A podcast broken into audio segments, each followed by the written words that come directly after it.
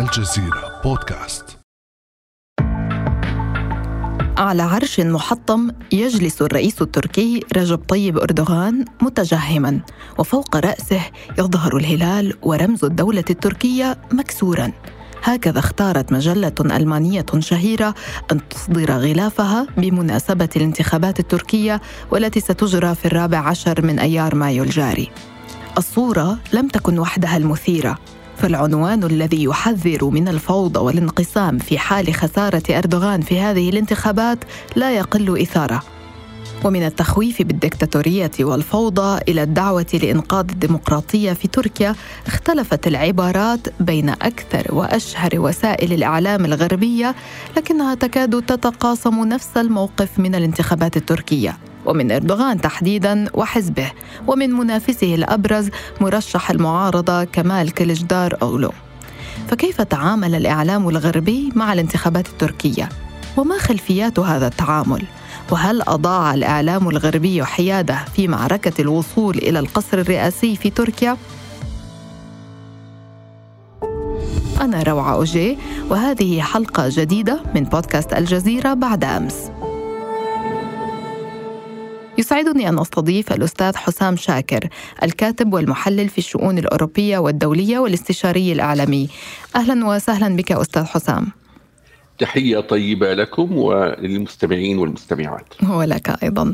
حظيت الانتخابات الرئاسية والبرلمانية التركية المقرر إجراؤها في الرابع عشر من هذا الشهر باهتمام إعلامي غربي كبير. أنت كمتخصص في الشؤون الأوروبية ومتابع للإعلام الغربي كيف تقرأ الاهتمام الإعلامي الغربي بهذه الانتخابات وحجم هذا الاهتمام؟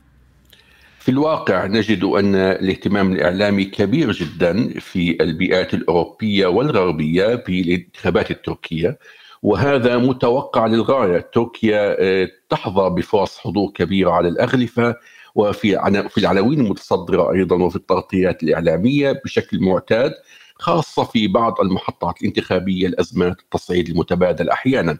آه، هذه المحطة الانتخابية بلا شك لها قيمة كبيرة آه، بالنسبة لتركيا ولإقليمها وجوارها الأوروبي وأيضا للعالم أجمع وبالتالي الاهتمام كبير لكنه مفهوم تماما.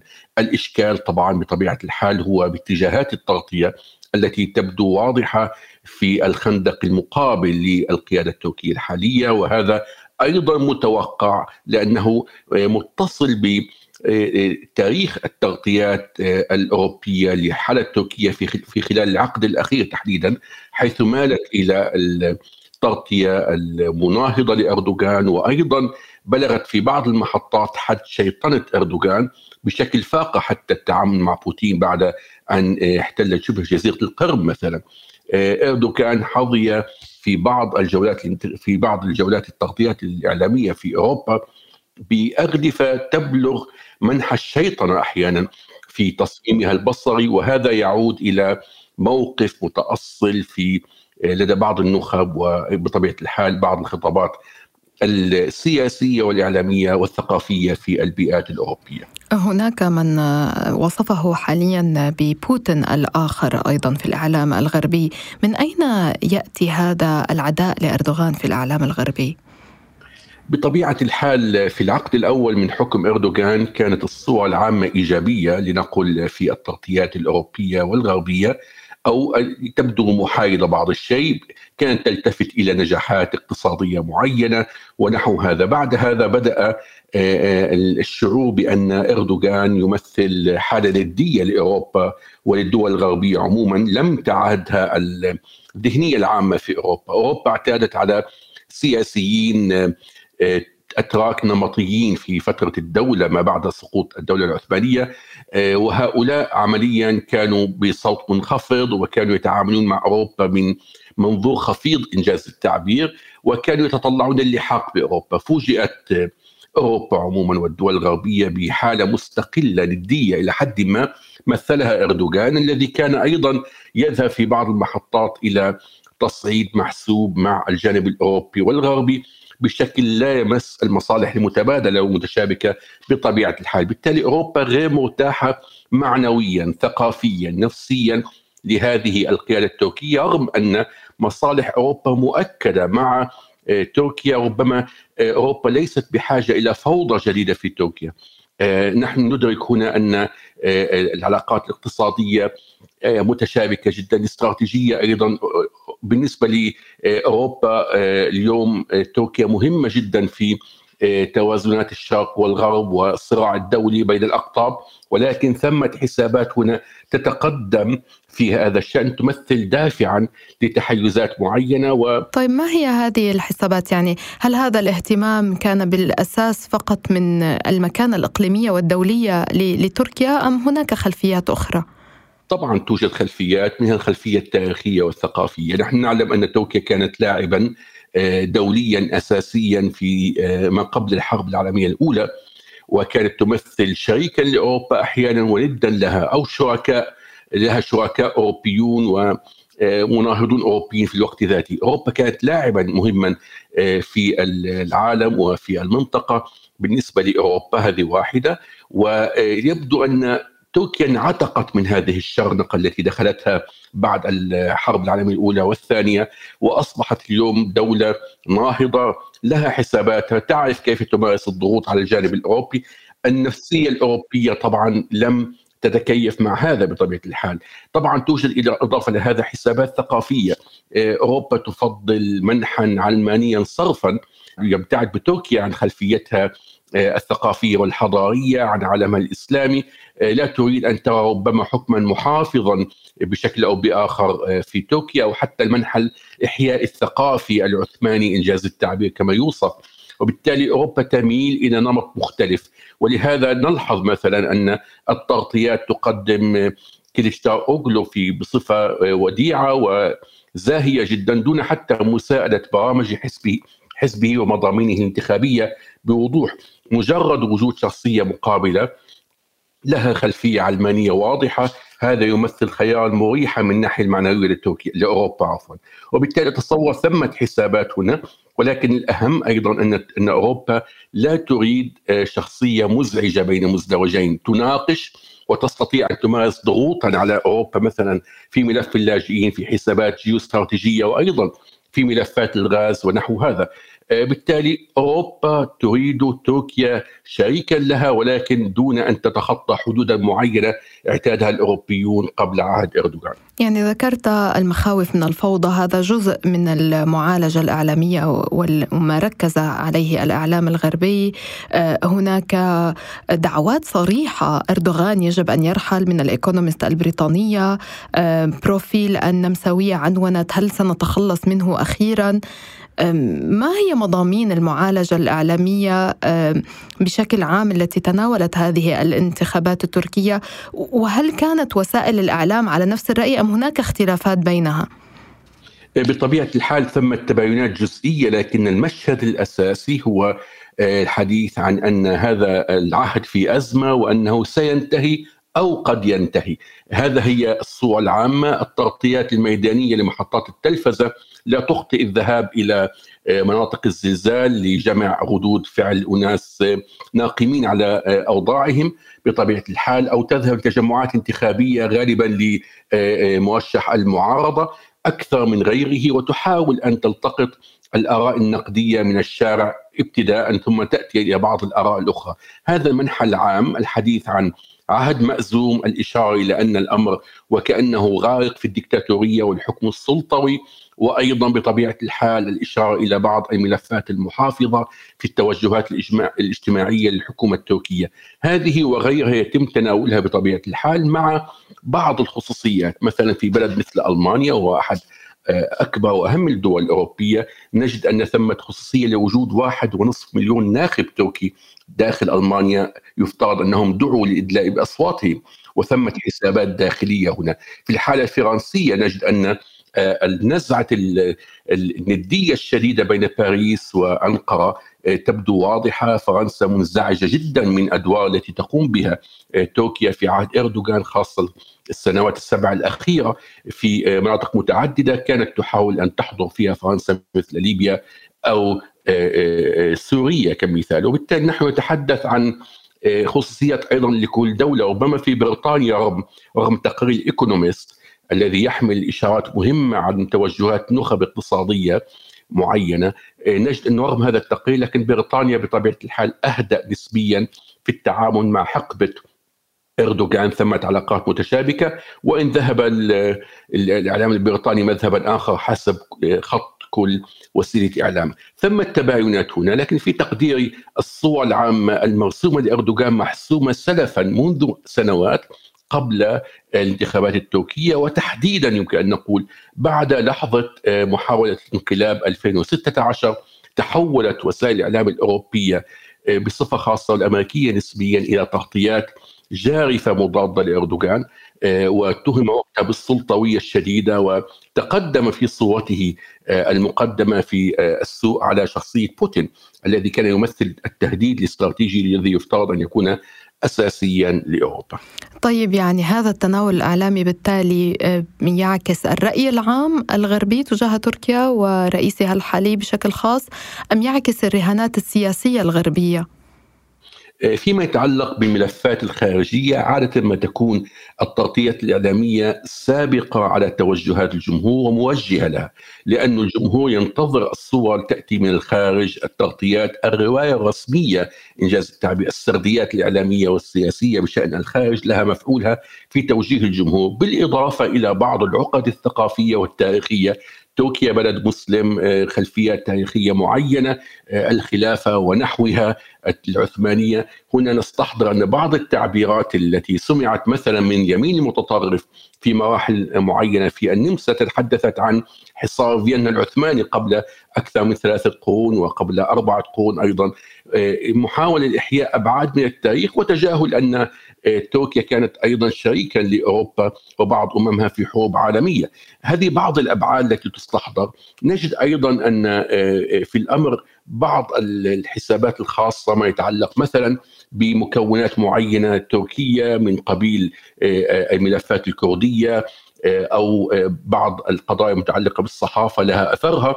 في تركيا اتهام عهد اردوغان بأنه مضاد للديمقراطية والحريات إلى آخره يسمع بقوة بينما طبعا لو لاحظنا أن التغطيات التي كانت قبل حوالي ربع قرن لم تكن تلتفت بشكل نقدي مثلا لبعض القيود المفروضة على اللباس في تركيا وقتها كمثال. في تقديري ثمة آه، أيضا رهانات معينة في الأمر مع تجاوز حقائق منها أن تركيا كانت تعاني أساسا من مشكلات في حرية التعبير.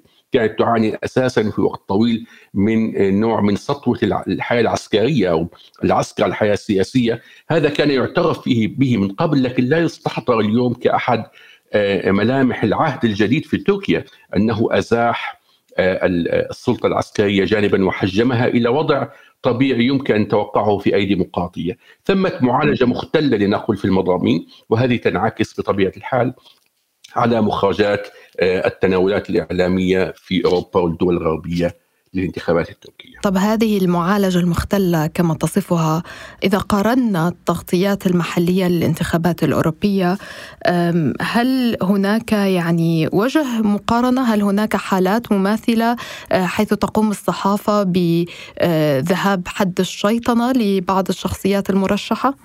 يمكن إشارة بوضوح إلى انتخابات المجرية الأخيرة التي عمليا كان ثمة رهان كبير جدا فيها على آه، آه، تنحية آه، فيكتور أوربان من الحكم في بودابست. وفي ذلك الوقت أيضا تشكل تحالف من المعارضة وقدمت في الصحافة الأوروبية ووسائل الإعلام الأوروبية تقديرات مفرطة بالتفاؤل بأن عهد فيكتور أوربان سينتهي وكان هذا قبل سنة من الآن تقريبا. وفي تقديري هذه الحالة يمكن أن ينظر إليها تقريبا مع الفارق مع التغطيات الحالية في الإعلام الأوروبي التي تمنح الانطباع بأن عهد إردوغان انتهى والنتائج تقريبا وكانها حسمت أو أن إردوغان في أزمة جوهرية.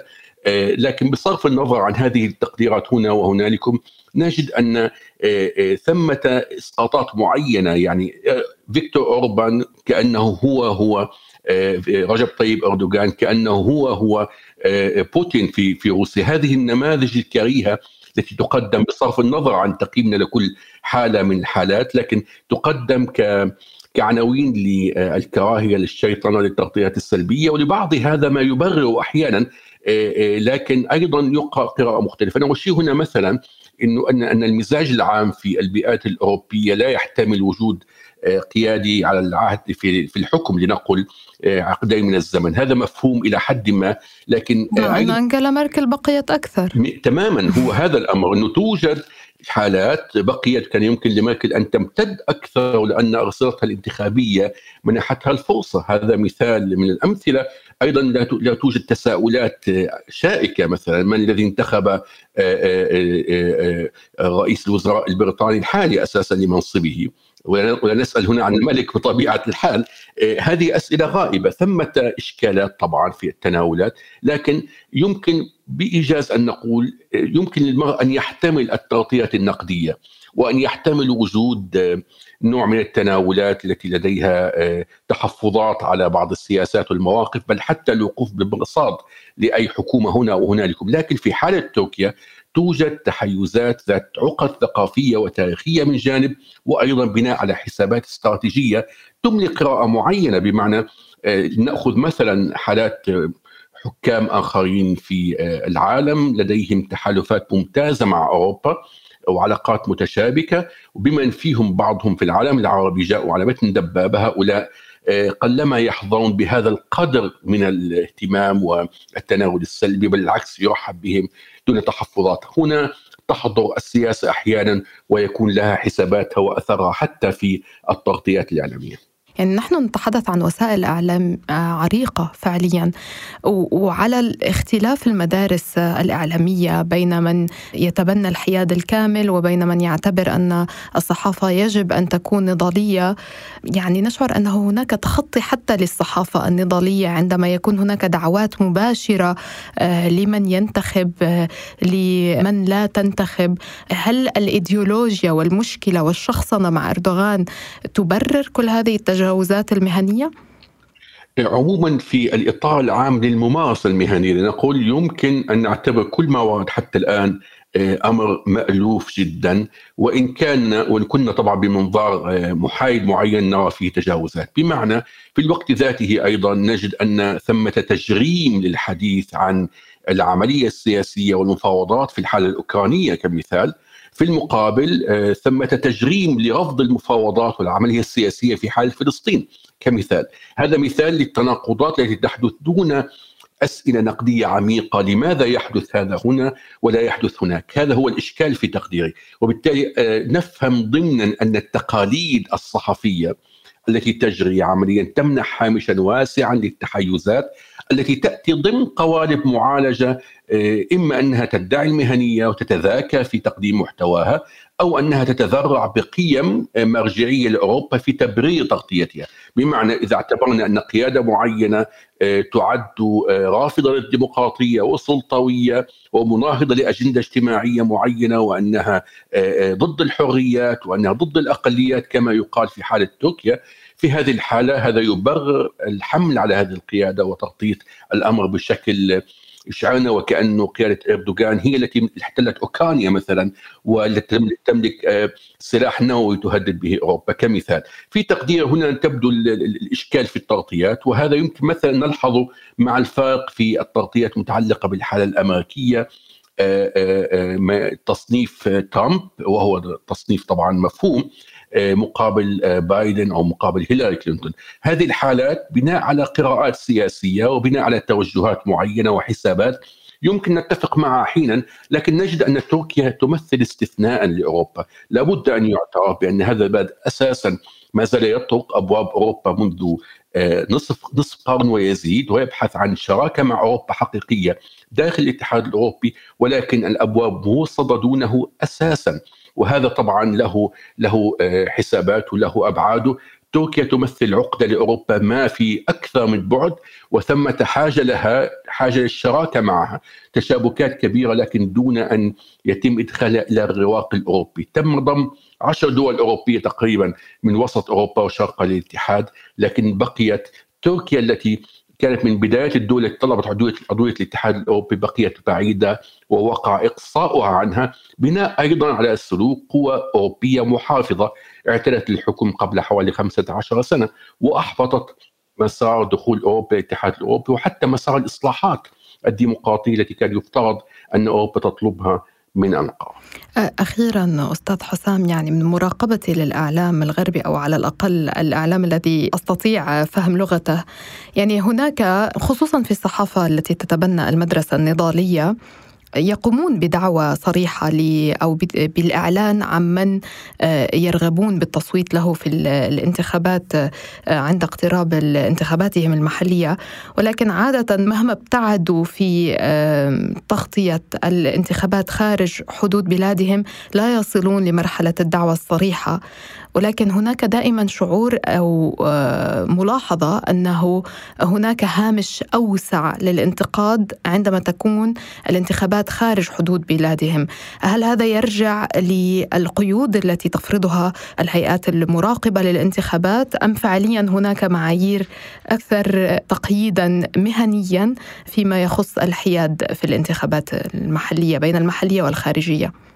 بطبيعة الحال البيئات الأوروبية تتفاوت بوضوح في هذا الشأن من حيث الأنظمة لكن المفهوم أن وسائل الإعلام العريضة ال mainstream media وسائل الجماهيرية الأساسية عمليا في الوسط المجتمعي تنأى بنفسها أن تدخل بشكل بشكل ترويجي واضح لطرف سياسي أو آخر لكن في واقع التدقيق نلحظ أن آه، ثمة تحيزات حتى ضمن هذا الهامش من خلال فتح ملفات معينة وترك أخرى الانتقائية في التغطيات اختيارات الصور الصحفية تناولات دون أخرى. هذا مفهوم ضمن التقاليد القائمة. في الحالة الخارجية آه، الأمر هنا محكوم بجملة من العوامل منها أساسا الوجهة السياسية العامة ثقافة الأمة التي يتذرع بها النظرة الإجمالية التي تسبق أي عملية انتخابية. يعني الكل يدرك أن لتركيا أن لأوروبا أو لبلدان أوروبية محددة بشكل أخص مشكلة متأصلة مع تركيا عموما ومع قيادتها الحالية القوية في الواقع. خصوصا وبالتالي هذا سينعكس على شكل التناول لأن العهد الحالي في تركيا لا يثير لنقل ترحيب العواصم الأوروبية وكثيرا هي الأزمات التي تصاعدت على خلفية الندية في الأساس من القيادة التركية، بالتالي نفهم أن يحصل هذا وهذه هي التقاليد الصحفية التي فيها الكثير من هوامش الانحياز والانتقائية وربما التضليل لكن ضمن آه، آه، ضمن أطر المهنة، يعني هذا لا يتجاوز في تقديري التقاليد المهنية التي تقوم مثلا على الانتقائية والشخصنة و only bad news are good news الأخبار السيئة هي الأخبار الجيدة وحدها كما يقال وبعض الجوانب في تقديري هذا هو ما عليه الحال آه، ولا تبدو الانتخابات التركيه الحالية إلا آه، آه، إشارة كاشفة لهذه التحيزات المتذاكية أحيانا أو الفجة أحيانا أخرى. شكرا لك الأستاذ حسام شاكر الكاتب والمحلل في الشؤون الأوروبية والدولية والاستشاري الاعلامي شكرا. مع التحية والتقدير لكم. شكرا. كان هذا بعد أمس.